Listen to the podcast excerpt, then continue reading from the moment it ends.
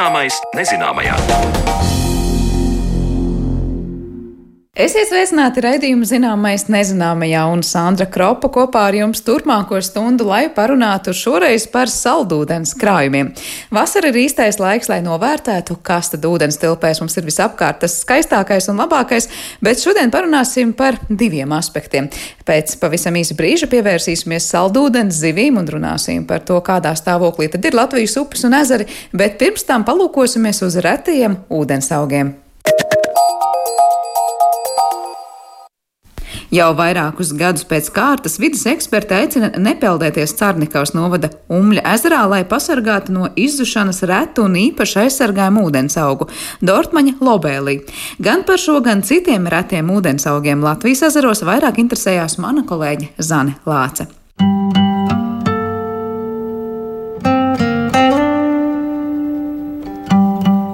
Neliels, trauslu, baltu ziedu ķekars jūlija mēnesī paceļas virs ezera ūdens. Tas ir laiks, kad zied retais ūdensaugs Dortmaņa lobēlija. Taču pēdējo simt gadu laikā ūdens aizaugšanas un piesārņotības dēļ tā ir izzudusi jau vismaz 25 Latvijas ezeros. Dortmaņa lobēlī ir tīru ūdeņu suga un aug tikai dzidros ezeros ar labu gaismas caurlaidību un bez straujām ūdens līmeņa maiņām. Umja ezers Cernikavas novadā ir viens no tādiem, kur vēl šo lobēlī var atrast. Plašāku skaidrojumu gan par šo, gan citiem retiem ūdens augiem es lūdzu vides ekspertam un botāniķim Uvim Suško. Ar šiem tīro ezeru augiem ir tā, ka viņiem ir vajadzīgi tīri ezeri ar dzidru ūdeni.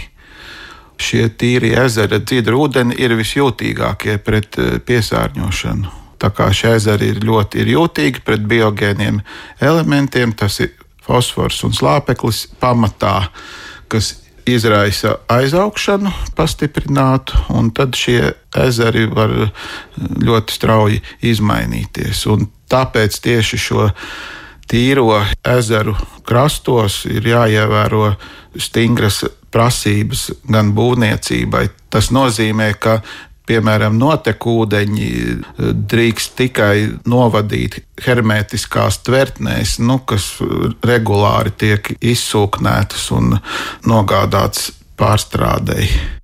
Uz manu iebildumu, ja cilvēki nemazgā savus spēkrats un paši nelieto šampūnus un ziepes, bet ezerā iet tikai peldēties, Uvis teica, ka pietiek arī ar ķermeņa krēmu un smaržām, kas atrodas uz cilvēka ādas, vai arī kādam no mums nokārtot savus tekošās vajadzības ūdenī, lai tur sāktos iepriekš minētie ķīmiskie procesi, kas veicina ezeru piesārņojumu.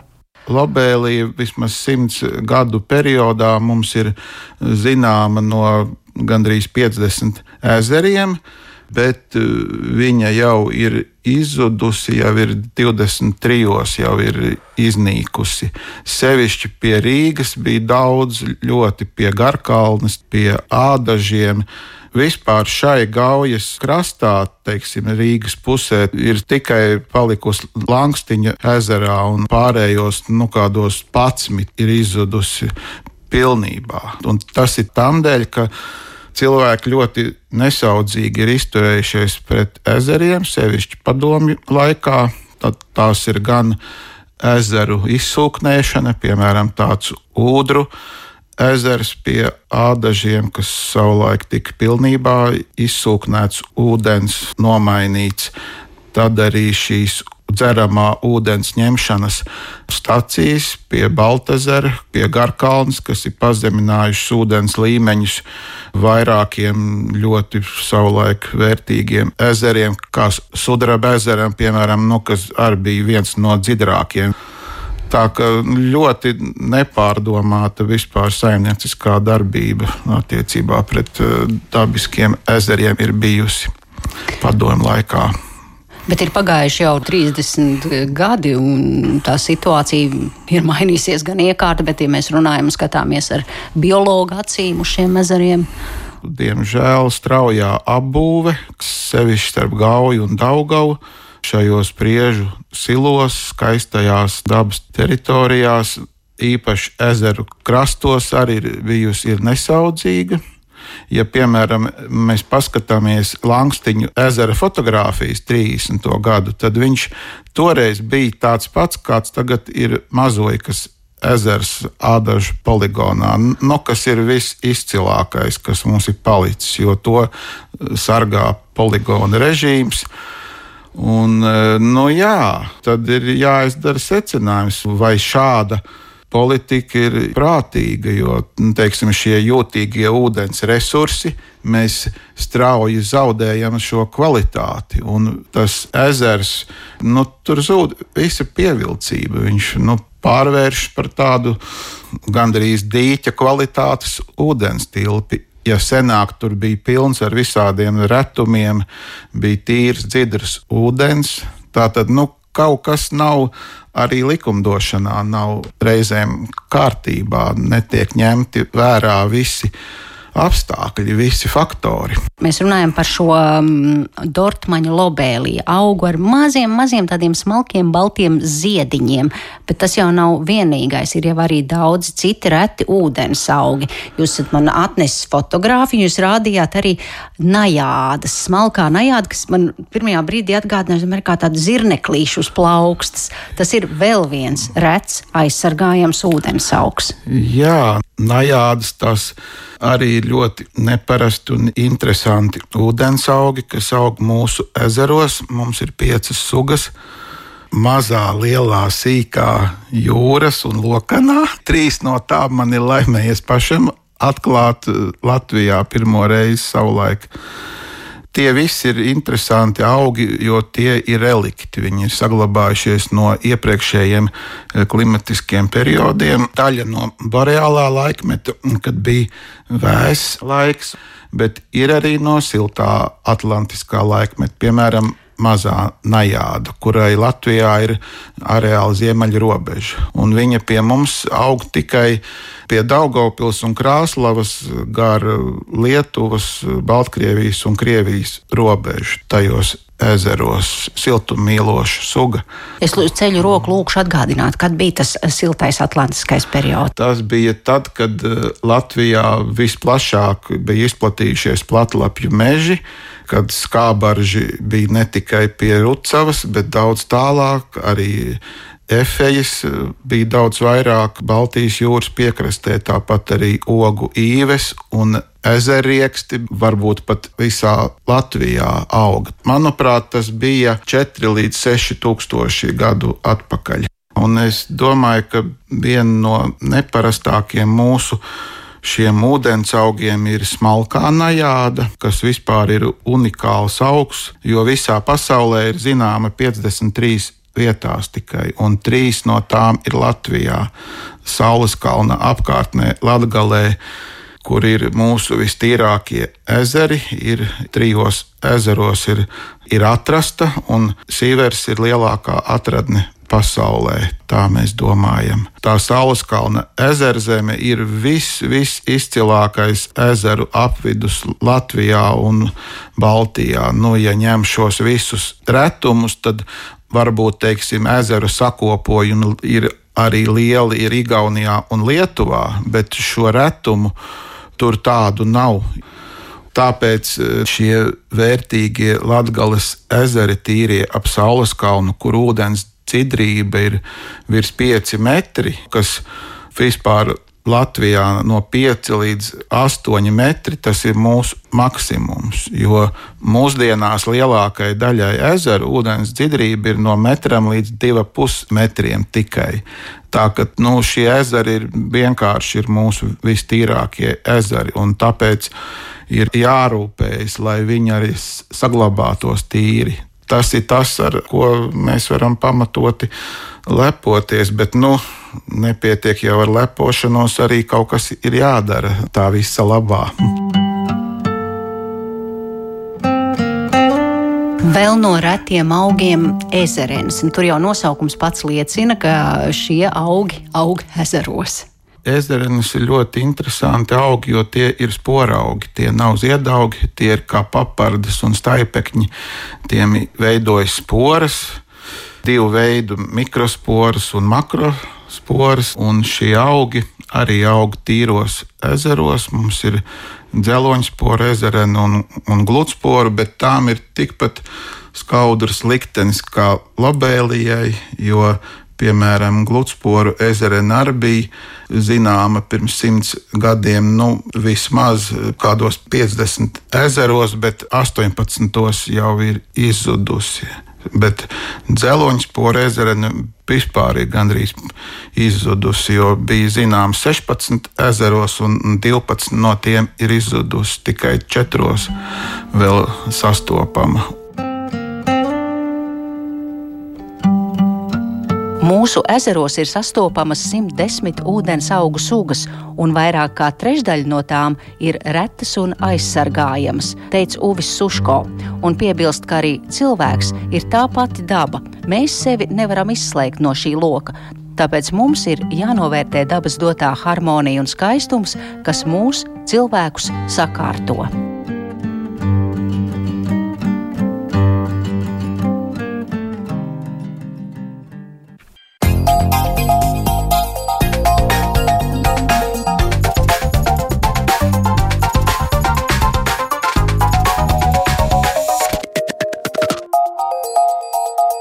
Zināmais nezināmajā.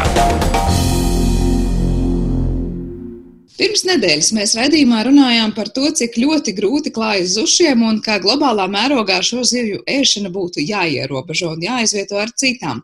Mums Latvijā kā labais piemērs ilgspējīgam zivju patēriņam nereti tiek minēts vietējās saldūdens zivis, bet kāda tad stāvoklī ir saldūdens ūdens Bet kādā tad stāvoklī ir saldūdens ūdens tilpas Latvijā un citvietā Eiropā?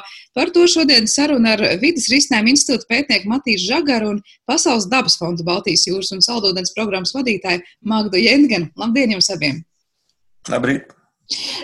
Vai tiesa, ka mēs varam teikt, ka nu, saldūdens zivis mums ir tāda kā alternatīva visam tam, ko mēs parasti sakām, mēs jūru un okeānu izēdam par daudz. Matīs, varbūt sākšu ar tevi. Tu kā zivju pētnieks gan vienās, gan, gan otrās ūdens tilpēs. Kā teikt ar to saldūdens zivju krājumiem? Nē, nu skaties. Nav jau tā, ka mēs pilnībā varam aizvietot. Nu, tās jau ir vairākas kārtas, kas atšķirās. Nu, mēs nevaram, es tieši šorīt domājot par šo sarunu, domāju par to, ka mēs nedrīkstam pārprast, ka mēs varēsim tagad tos, nu, teiksim, nes, nesalīdzināmos tonnas, ko mēs nozvejojam, uh, jūrā aizvietot ar saldūdens zivīm, tas nav iespējams. Vairāk, nu, jo vienkārši saldūdens nav spējīgs piegādāt. Nu, padomājam, cik mēs daudz redzam tajos visos veikalu plauktos, visus iespējamos zivju produktus, no kuriem 99,9% ir radīti no, no mūsu pašu uh, jūras zivīm, vai teiksim, Atlantijas, Atlantijas zivīm, vai vēl pat tālāku jūras zivīm. Kaut vai jau domājot par kopējo masu, kas ir, nezinu, ūdens masa okeāniem, kas ir saldūdeņiem, tas jau nav salīdzinām lielam. Vairāk stāsts ir par to, ka mēs varētu veicināt kaut kādu konkrētu sugu no konkrētām ūdens tilpnēm ēšanu. Un no tā tie ieguvumi būtu ļoti plaši. Viens ir tas, ka, protams, mēs varam aizvietot kaut kādu tādu sugu, nu, kaut kādā mērā man šķiet, ka mēs varētu aizvietot tādas sugas kā zūti, paturpinot to pagājušās nedēļas sarunu. Un, un otrs ir, ka mēs varētu tādējādi, teiksim, sildīt vietējo ekonomiku, kas gal galā dotajā momentā mums ļoti ir vajadzīgs. Un tas, tas, tas resurss ir burtiski, tā resursa lietošana ir burtiski, nu, braukājot pa tiem Latvijas ezeriem, pētot viņus burtiski pamesta novārtā. Zvejnieku profesija ir ļoti zema prestiža, tieši saldūdens zvejnieku, un, un, un daudz cilvēku saka, o, šie nelieši tur izvejo mūsu ūdeņus un tam līdzīgi, un tam līdzīgi, un, un, un tas produkts vietējais vispār nav pieejams. Tur vairāk runa par to kvalitāti, nevis kvantitāti. Par to, ka es, piemēram, personīgi un mana ģimene daudz labprātāk ēdu līni no vietējās ūdens tilpnes, kurš ir skaidru izcelsmi, tīra forša zivs, kuras resursi ir labā stāvoklī. Man būtu jābūt šai izvēlei. Dotajā momentā tās izvēles praktiski nav. Vai ir kādas vēl konkrētas bez līņa tātad zivis, kuras tu noteikti minētu, kā tādas nu, šobrīd nenovērtētos dārgumus? Tas pats plaudis, nenovērtēts dārgums, redz, tur jau tas ir arī no kulinārijas jautājums, kas kuram garšo. Tas vispār arī tāds jautājums, par ko es daudz domājis nu, kā, nu, tā arī ir kaut kāda teiksim, sociāla tradīcija, kas mums garšo un kas mums negaršo. Es nezinu, kas objektīvi, kā mēs varam novērtēt. Nu, kā es esmu lasījis un dzirdējis, ka pavāri saka, ka tas tauku procents, nu, kas, teiksim, zūtim ir super augsts un tam pašam lasim ir diezgan augsts, tā zivs ir tāda trekna. Tā pašā laikā, nu, nezinu, liesa zivs man arī šķiet garšīga, tāpat līdaka. Tā ka tie ir arī mūsu priekšstati, kas mums garšo un kas mums negaršo. Nu, nenovērtētiem dārgumiem, nu, ir, nu, saku, tas, kas ir tiešām mums daudz pieejams, tas ir kaut vai, piemēram, liela rauda. Mēs paši pirms, pirms vairākiem gadiem zvejojām, strādājām pļaviņu ūdenskrātuvē, un tur bija milzīgas raudas, nu, tādas līdz, līdz, līdz vienam kilogramam. Un tad man viens, viens somu kolēģis, ar ko mēs kopā pirms tam bijām tur zivju vecums noteikuši, viņš man teica, jau pamēģini tās lielās raudas masālītes, tā kā lasi. Un mēs paņēmām tur savus paraugus, kas ir vajadzīgi, un, un tās pāris raudas uzgriezām, uzsālījām fantastiski mantu.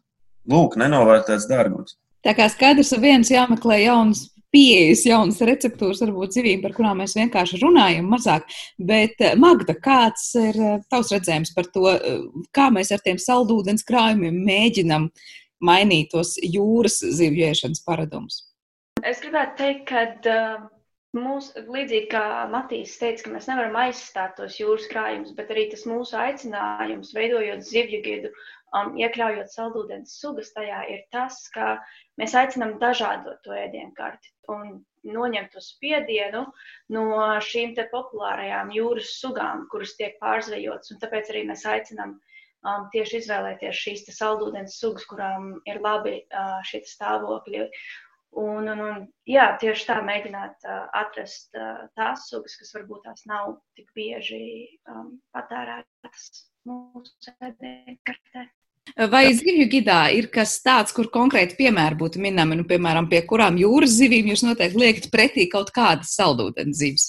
Tieši pretī, nē, mēs, mēs nesakām, uh, varbūt pārstājas zuti un, um, un kaut kas cits garšos tāpatās, bet tomēr, jā, to pašu, ko Matīs arī minēja, tās līdakas un līņus, un uh, mēs arī esam iekļāvuši šogad jūras grundulu, kas nav saldūdens suga, protams, bet um, tomēr tā ir uh, suga, kas ļoti ātri vairojās, un tas ir uh, mans personīgais atklājums nesen, ka viņiem ir tiešām garšīgi ikri. Um, tā, kā, tā arī nu, tas ir vienkārši veids, kā aizstāt um, to, ko mēs parasti ēdam. Bet uh, tīri tā garšas ziņā, to, protams, ir grūti pateikt, nu, aizstāt jūras sugas ar saldūdens sugām. Jā, es tieši gribēju par to garšu pajautāt, vai tas nav tas lielākais klupšanas akmens, jo varbūt būs zivis, kas būs, jā, viens teiks ļoti garšīgs, bet eh, garšos vienmēr, nu, kā mēs sakām, nedaudz pēc dūņām. Nu, tad jautājums, ja tāda zivs tiek likta pretim kādam tur lasim, nu, vai tas varētu būt kā alternatīva cilvēkam, kuriem ir pilnīgi citas garšas tā kā prasības pret zivīm.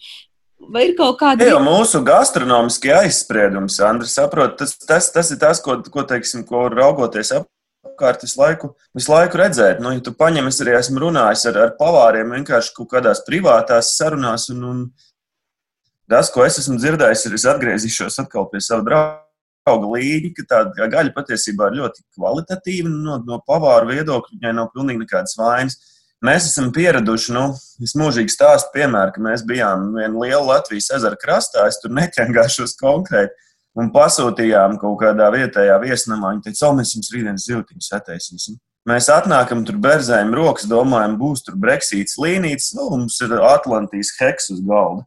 Tā kā, nu, iedomājies to, nu, nu tas nav loģiski, bet viņš, manuprāt, ir daudz reizes negaršīgāks. Tā, tie jau tādi priekšstati, nu, mēs jau arī varam, varam nu, šobrīd taču ir tāds laikmets, kad mēs visi gribam ēst veselīgi, mēs gribam ēst ilgtspējīgi un tam līdzīgi. Un tas, nu, Šis ir viens solis, ko mēs, ko mēs varam darīt. Mēs taču nekad neaizstāsim, neaizstāsim tās, tās, tās populārās Baltijas jūras sugas. Nu. Mana vecā man tāpat tās turpinās ēst masā līdz sīļķi ar Himalaju sāli, un viss kārtībā. Tā tie resursi jau arī nav tik sliktā stāvoklī. Jautājums ir nu, par to, vai mēs gribam dažādot, un mēs gribam nu, izstāstīt cilvēkiem, ka ir, ir, ir tur arī foršas manas saldūdumās.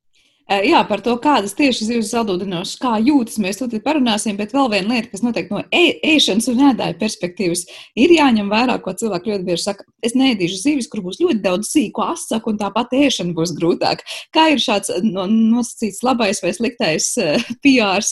Ir vairāk arī saldūdens zivīm, protams, mums tajās saldūdens krājumos ir pietiekoši daudz zivju, kuras būtu nu, tiešām no tāda viedokļa ērtas, vieglas ēšanai, vai tur mēs tomēr biežāk. Nē, nu, taču, nu, ko tu tur taču tas ir atkal jautājums par sagatavošanu. Tā pati līde, ka ja tu viņu, piemēram, nofilē, un, un, un pēc tam tur nezinu, es, es tur pavārmākslas nodarbību uztaisīju. Ja tu viņu nofilē un, nezinu, izcep sviestā, kas ir mans ģimenes absolūti mīļākais ēdiens, tad tur tās asaks, manuprāt, praktiski nejūt.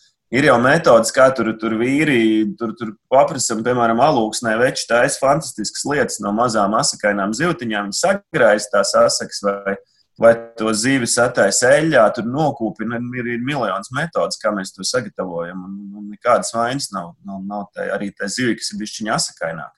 Tā kā šķēršļi nav, galvenais ir tas, kā mēs līdz tai tiekam. tiekam. Bet, ja mēs runājam par pašiem tiem saldūdens krājumiem, nu kādā stāvoklī tie ir, nu, jūsos klausoties šobrīd pārņemtu sajūta, ka, ah, tu taču visu laikam ir ekoloģiski kārtībā, un no turienes mēs tik varam zvejot un ēst. Tas ir pārspīlēti teikts, vai mums tiešām ir salīdzinoši pozitīvā un labā stāvoklī saldūdens krājumi?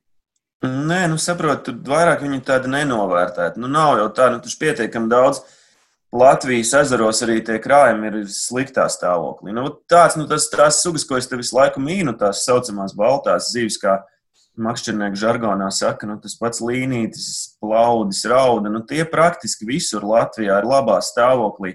Plēsēju resursi kā kurā vietā, jo, nu, mums ir tendence tos plēsējus izēst. Ja? Tas, tas, nu, šobrīd zinātnieki bieži runā par, par barības tīkla augšējos, augšējās daļas izēšana, respektīvi barības tīkla vai barības ķēdes augšā vienmēr ir plēsējs, kas ir pēdējais, sākot no apakšas, no maziņiem pavisam līdz lielajām plēsīgajām zivīm. Nu, viņas mums labāk garšo, mēs viņus tradicionāli izēdam. Un arī Latvijas ezeros ir tieši tas pats un upēs. Mēs esam bieži vien izēduši tos plēsējus, un tur apakšā viss notiekās tajā barības Jā, un kas varbūt no bioloģijas puses var pastāstīt, notiek, ka tā augšējā slānis tie plēsēji ir izēsti no tās konkrētās barības ķēdes. Kas notiek tajā ekosistēmā? Ziniet, kā man patīk arī domāt vienmēr tā, tā mazliet sistēmiskāk par to, ka arī mēs esam daļa un mūsu, teiksim, tā socioekonomika un mūsu paradumi ir daļa no visas ekosistēmas. Un līdz ar to cilvēkam visaprotamākais ir tas, ka notiek tas, ka vairāk nav to zivju, ka mēs, mums vairs nav ko ēst. Bet, nu, ejot, ejot uz pašu to ekosistēmas funkcionēšanu tiešā. Tās, tās, tās ūdeņa ekosistēmas funkcionēšana, tur ir daudz tādu netieši efektu, kurus vienmēr es esmu ar savu muti mēģinājis. Nu, baigi gribās tā, lai tas ir saprotami. Un, un tā, lai tas ir saprotami, nu, viens foršs stāsts piemērs ir tas pats mūsu burtnieka ezers, kurā ir diezgan liela makšķernieku un zvejnieku slodze uz, uz, uz plēsīgajām zivīm, uz līdaku un zandartu. Un, un paralēli mēs redzam, ka ezerā ļoti zied zilāģis ezers ir zaļš un, un tā. Un, un, un tur ir saistības starp šīm divām lietām. Jo, nu, tā pavisam īsi mēģinot to, to izstāstīt, ka ir mazāk to plēsēju, līdz ar to plēsēji neizēd baltās zivis, un tās baltās zivis rušinās pa ezera grunti daudz lielākos daudzumos, nekā viņām vajadzētu oriģināli tur rušināties. Un tādējādi tā kā ierušina atpakaļ ezera ūdenī tās barības vielas, kas tur ir nosēdušās un kurām tur arī vajadzētu palikt. Un šīs barības vielas savukārt izmanto tās mikroskopiskās aļģes, lai ziedētu, un tad mums ir ārprātīgs biomasas ar tām potenciāli toksiskajām zilaļģēm, dēļ tā, ka mēs esam izvejojuši plēsīgās zivs. Nu, tās, tos mēs saucam par kaskādas efektiem. Ekoloģijā burtnieks nav vienīgais, kur mēs to Latvijā redzam. Bet kas notiek, mazliet paturpinot tavu domu, ja labi paliek tās zivis, kas tur uzrušina tās visas vielas, bet, piemēram, to zivju vidū ir kaut kādas tur mazāk eh, veselas vai kā citādi, eh, var teikt, tie plēsēji ir kā tāda ekosistēmas sanitāra, vai ne, kas aizies un izēdīs, tad visas tās, kas būs tās, nu, neveiklākās vai slimākās. Ja nav kas, kas izēt, tad kas notiek ar to visu pārējo, var teikt, sabiedrību? Nē, nu jā, tur šo, šobrīd tu paplašini un, un, un pamatot paplašini to tēmu, un es šobrīd runāju par to to teikt, tā teikt, visredzamāko efektu. Bet skaidrs, ka tie efekti ir daudzos virzienos tam, ka mums nav plēsēji. Nu, jā, šis sanitāra loma, protams, ir, ir, ir viena no tām, respektīvi, mēs runājam par ekoloģisko līdzsvaru, jeb ekoloģisko balansu. Nu, dabā oriģināli ir sakārtojusi, iedomājamies, cik ilgi ir bijusi evolūcija, ja, ka tas viss ir piepucējies, piepulējies, un visas tās attiecības starp dažādām sugām un savu sugu grupām ir smuki sakārtojušās un sakritušas čupiņās un tas mehānisms, kā tāds labi noregulēts motors strādā, un tad mēs pēkšņi no tā mehānisma izņemam ārā, es nezinu, karburātoru, un tad pēkšņi babam. Skaidrs, ka tas iet uz visām pusēm, un tas, ko tu minēji, ir, ir, ir, ir vēl viens negatīvs efekts, un par tiem negatīviem efektiem jau mēs varētu runāt vēl trīs stundas. Jā, es došu vārdu šobrīd Magdai. Droši vien Magdai arī ir ko teikt par to saldūdeņu kvalitāti gan Latvijā, gan arī citvietā Eiropā, jo es saprotu, Pasaules dabas fonds par to diezgan daudz ir runājis un arī dažādi ziņojumi pēdējā laikā izplatīti. Jā, tieši tā. Un, um, kā Matīs teica, ka um, šī ekosistēma izjaukšana, ja šī balanss izjaukšana ir tikai viena no šīm sastāvdaļām, kas ietekmē ūdens kvalitāti. Uh, Un, ja mēs skatāmies Latvijā, tad no Latvijas saldūdens krājumiem um, 71% ir uh, vidējā stāvoklī.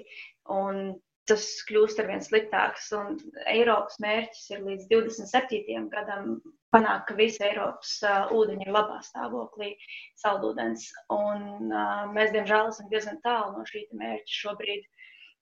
Jo, ja mēs skatāmies visā Eiropā, tad tikai 40% no ūdeņiem ir labā stāvoklī, un Latvijā mēs esam zem šī vidējā rādītāja.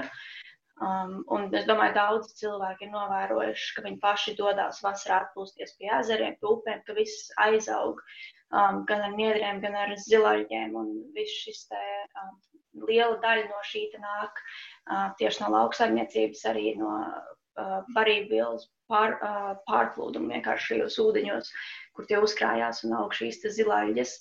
Un tas viss ietekmē gan to ūdens ekosistēmu, to sugu dzīvot spēju tur.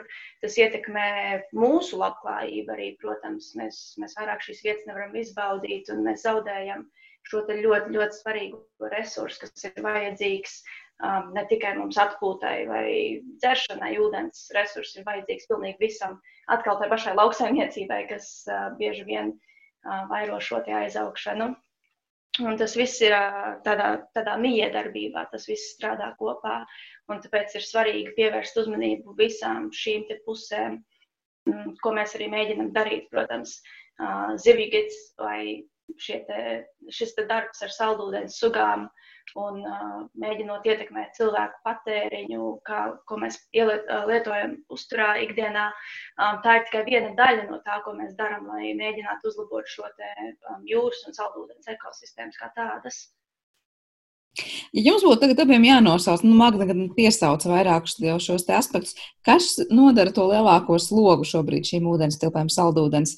Tā būtu tā kaut kāda ne līdz galam pār, novērtētās lietas vai pārsvajotās lietas vai aizaugšana, ko rada lauksaimniecība vai vēl citi vispār aspekti. Ko jūs minējat kā lielākos draudus? Ziniet, tas ir ļoti atkarīgs no gadījuma uz gadījumu. Tāda vispārināšana mēs varam nosaukt visus tos faktorus, un, un tad iedomāties, ka tā ir tā tāda garšvielu buķete, no kuras tad attiecīgi katrā ūdens tilpnē ir, ir, ir kaut kas vairāk vai mazāk. Jā, jo Latvijā ir, nu, protams, tas, ko Magda piesauc, tas ir ūdens struktūra direktīvas, kas ir tāds vadu, nu, galvenais dokuments, ar ko mēs regulējam, regulējam ūdeņu apsaimniekošanu Eiropā un nosakam ūdeņu apsaimniekošanas mērķus. Tad, tad mūsu valsts meteo aģentūra LVģMC ir novērtējusi tās, tās vidas kvalitāti. Un, attiecīgi, tāda viņi ir, ka lielā daļā viņi nav baigi labā to ezeru un upju. Un, un, bet tas, ko mēs redzam, protams, realitātē, tas ir lauksaimniecības piesārņojums, tāpēc, ka mēslo pa daudz minerālu mēslus, un tas, kas paliek pāri, ieskalojās. Tā ir tā pati pārzveja. Ja mēs runājam par, par zivu resursiem, kā mēs jau iepriekš pieminējām, tad uh, tas ietekmē ne tikai tiešā veidā zivu resursus, bet arī netieši visu kaut ko citu. Protams, pilsēta ezeros tas ir arī tieša ietekme no pilsētas, gan notece no kaut kādām nepieslēgtām kanalizācijas, eh, nu, ne centrālai kanalizācijai nepieslēgtām mājām un būvēm un mazdārziņiem. Nu, dažni dažādākie tie stāsti Latvijā ir, bet nu, tas ir kopumā tas ir cilvēku ietekmes, tā ir lauksaimniecība, neattīrīta kanalizācija, pārzveja. Droši vien, ka tie ir tādi trīs, trīs, trīs vaļi. Paldies, Magda, būs kas piebilstams? Jā, varbūt viena lieta, ko mēs vēl nepieminējām, um, ir uh, upju pārveidošana. Tātad, uh, ka mēs ieliekam hidroelektrostacijas, būvējam aizsprostus, visas šīs lietas mēs izmainām šo te upes dabīgo tecējumu. Um, tā arī, protams, kur šī aizsprosta ir, tā arī var būt ļoti liela ietekme uz šo ekosistēmu, kas arī Latvijā ir problēma.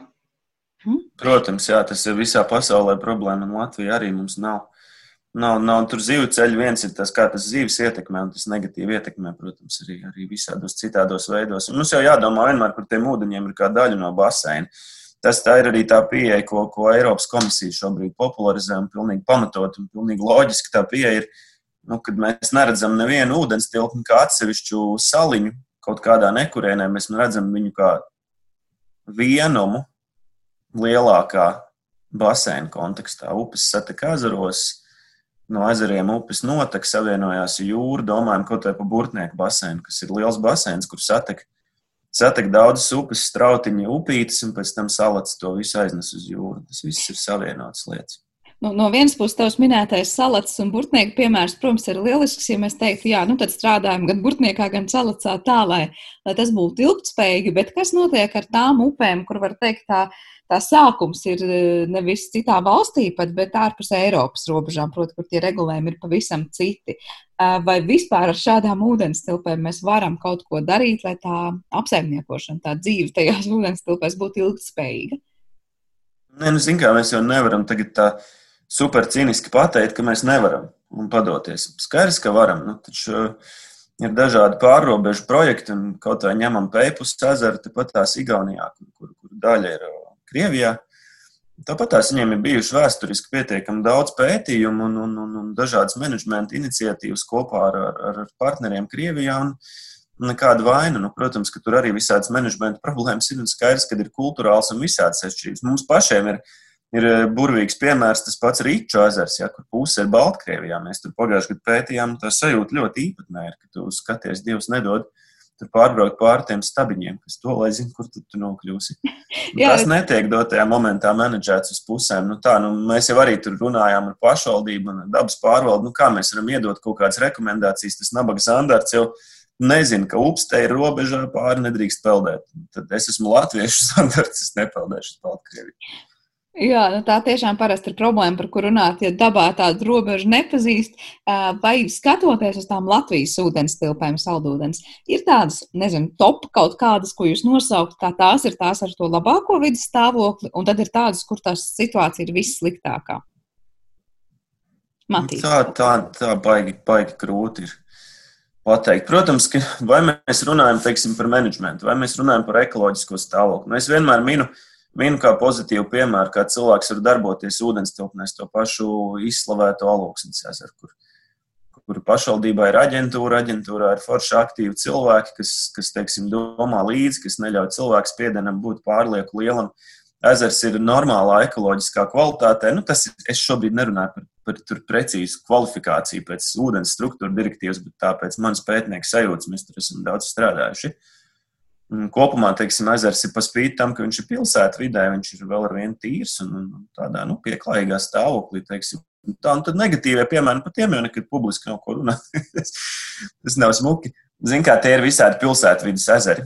Visvairāk tur ir cietuši visādas mazas ūdens tilpnes pilsētvidēs, kur tiešām ir, ir stāvoklis brīžiem ir, ir dramatisks. Tas, ko es gribētu vēl nu, piebilst šī kontekstā, atbildot garāk uz tavu jautājumu, ka Latvija jau patiesībā nav nemaz tik sliktā stāvoklī. Ja mēs divus gadus atpakaļ bijām Ķīnā, nu, tas ir kaut kas pilnīgi cits. Vai es biju Indijā trīs gadus atpakaļ, šādi aizemēs daudz gadus dzīvojis, un tur ir pilnīgi cita līmeņa tās problēmas ir.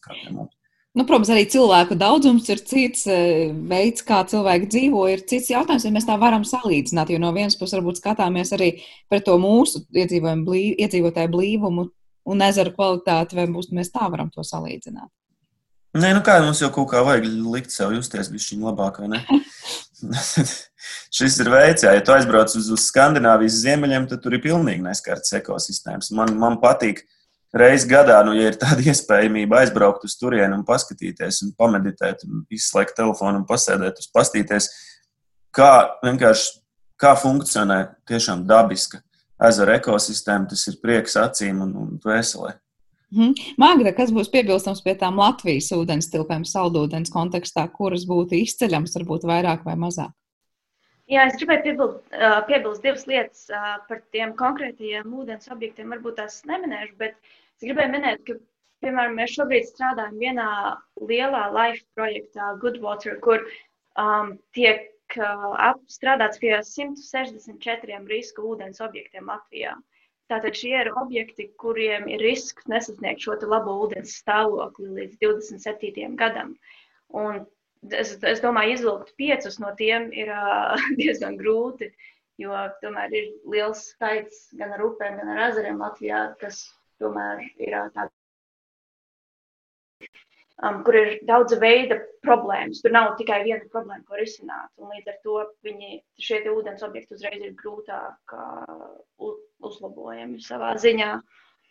Un, un, un, jā, tāpēc iz, izvēlēties piecus ir uh, grūti. Bet otra lieta, ko es gribēju pieminēt par to, um, ka mēs salīdzinām, piemēram, uh, Latvijas stāvokli ar Ķīnu vai Indiju, tas, protams, man drusku biedē, tāpēc, ka tad mums, mēs riskējam to, ka uh, cilvēki šeit pateiks, ai, ko tad mēs, mums, mums tāpatās ir labi. Um, bet tomēr es domāju, ka mums ir jāturpina cīnīties arī par to, lai būtu labāka šī kvalitāte šeit, pat ja šeit nav tik slikti kā Ķīnā vai Indijā. Jo uh, nesen tika veikts pētījums uh, tieši par kukaiņiem, kur, protams, rādīja, kurš parādīja, ka kukaiņu populācijas samazinās. Bet šis pētījums uh, rādīja, ka saldūdens, kukaiņi, tātad kukaiņu sugas, kas ir asociēts ar saldūdeni, palielinās mazliet, pa ļoti mazu procentu, bet viņas tomēr iet drusciņu uz augšu. Tas varētu būt um, dēļ tā, ka mēs sākam pārvaldīt šos ūdens resursus Eiropā efektīvāk. Bet tas bija vidējais rādītājs. Protams, ja mēs skatījāmies uz konkrētām vietām, tad šis pētījums rādīja, ka jo mazāk uh, cilvēku ietekme, jo labāk šī ūdens vai kukaiņu stāvoklis bija. Līdz ar to pat Latvijā, um, ja mums ir labāk nekā Āzijā vai Āfrikā vai citās vietās, um, mums ir, kur mums ir šī cilvēka ietekme, mums šīs problēmas ir um, vairāk un, protams, viņas ir diezgan nozīmīgas arī Latvijā. Jā, man tad jums vēl noslēdzošais jautājums. Jūs runājat arī par to, kā jā, visām apsaimniekošanām ir liela nozīme un tam, kā mēs uh, novēršam dažādu, var teikt, šo slodžu uh, parādīšanos uz konkrētām ekosistēmām. Ja reiz, piemēram, kaut kāda šobrīd darbība notiek, kas nav tā vidē draudzīgākā kādam ezeram vai upē, cik ātrā laikā pēc tam, ja mēs pārtraucam to saimniekošanas metodu, tāpat ūdens tilpa var, var teikt, nu tā kā atgūt to labo vidas stāvokli. Vai mēs runājam par kaut kādām desmit gadiem, vai mēs runājam par dažiem gadiem. Nu, proti, ja mēs mainām kaut ko šodien, kad mēs varam sākt redzēt tās sekas. Un otrādi, tikpat labi, ja mēs esam ne tā saimniekojuši pirms desmit gadiem, vai šobrīd tas ezers vai upe par to joprojām vēl signalizēs. Nu, tas jau ir precīzi tieši tāpat, kā es nezinu, ar finansiāliem zaudējumiem. Jautājums, vai tu pazaudēji visu savu kapitālu vai desmito daļu. Tieši tāpat tas ir ar ūdens tilpnēm. Protams, ka mēs dotajā momentā daudzos Latvijas ūdeņos vēl ar vienu redzam padomju mantojumu. Tas pats burtnieks stāsts padomju laikos ir sagāzts diezgan daudz iekšā. Tas ir izgulsnējies un baltās zivs tagad viss iejauc atpakaļ un balīt sākās no jauna. Tā ka tas ir absolūti proporcionāli tā intensitātei. Ja mēs šodien mēs redzam tajos izolētajos gadījumos arī Latvijā, kas notiek, kuri nokļūst tur panorāmā, ka nu, mums tur, nezinu, pamirst kaut kādas zivs kaut kādā ūdens tilpnē, bet ja tas piesārņojums nav permanents, Viņš nav, teiksim, tur kaut kāda ārprātīgi smagie metāli, un viņš, nezinu, aizplūst pa upi uz leju. Tas, protams, ir drausmīgs skats. Tajā mirklī ekosistēmai tiek nodarīts tas, tas um, ļaunums, bet tas pietiekami ātri atjaunojās. Savukārt, ja mēs 20 gadus uh, gāžam iekšā, nezinu, smagos metālus vai 20 gadus pludinam iekšā kanalizāciju, tas skaidrs, ka arī atjaunot to pēc tam būs daudz ilgāk. Paldies, Magda! Jā, es domāju, tas ir atkarīgs no tā, kas, kas ir šīs problēmas ar konkrētu ūdens objektu. Un, jo, piemēram, ja mēs um, nojaucam HESU, um, hidroelektrostaciju, tad ir redzēti pozitīvi rezultāti diezgan ātri, bet no otras puses um, bieži vien nepietiek tikai nojaukt šo hesu. Mums ir uzreiz arī jāatjauno šī upes struktūra. Un tas ir tātad, vai mēs vienkārši pārtraucam šīs darbības, vai mēs pasīvi izbeidzam, vai arī mēs aktīvi kaut ko darām, lai mēs atjaunotu. Un es domāju, tas uh, ietekmēs, cik ātri šī ūdens kvalitāte var vai nevar uzlaboties. Jā, nu, paldies jums abiem šodien par sarunu. Mēs eh, cerams, ka ieskicējām lielos vilcienos to, kas notiek Latvijas upēs un ezeros, un arī tādā globālākā perspektīvā uz to paskatījāmies. Un es ļoti, ļoti ceru, ka jūsu teiktais iedrošinās daudzus no mums tiešām pārskatīt arī savas ēdienkartes, un kā Matīs arī teica, nebūtu būt tik ļoti aizspriedumainiem un konservatīviem zivju izvēlē. Izrādās, ka Latvijas ezeros un upēs ir gana daudz kā interesanta. Dzirdējām vidus risinājumu institūta pētnieku Matīs Žagaru un Pasaules dabas fonda Baltijas jūras un Saldus saldūdens programmas vadītāju Magdu Jengenu. Ar to arī raidījums ir izskanējis. Paldies jums visiem par klausīšanos un uz tikšanos atkal rīt!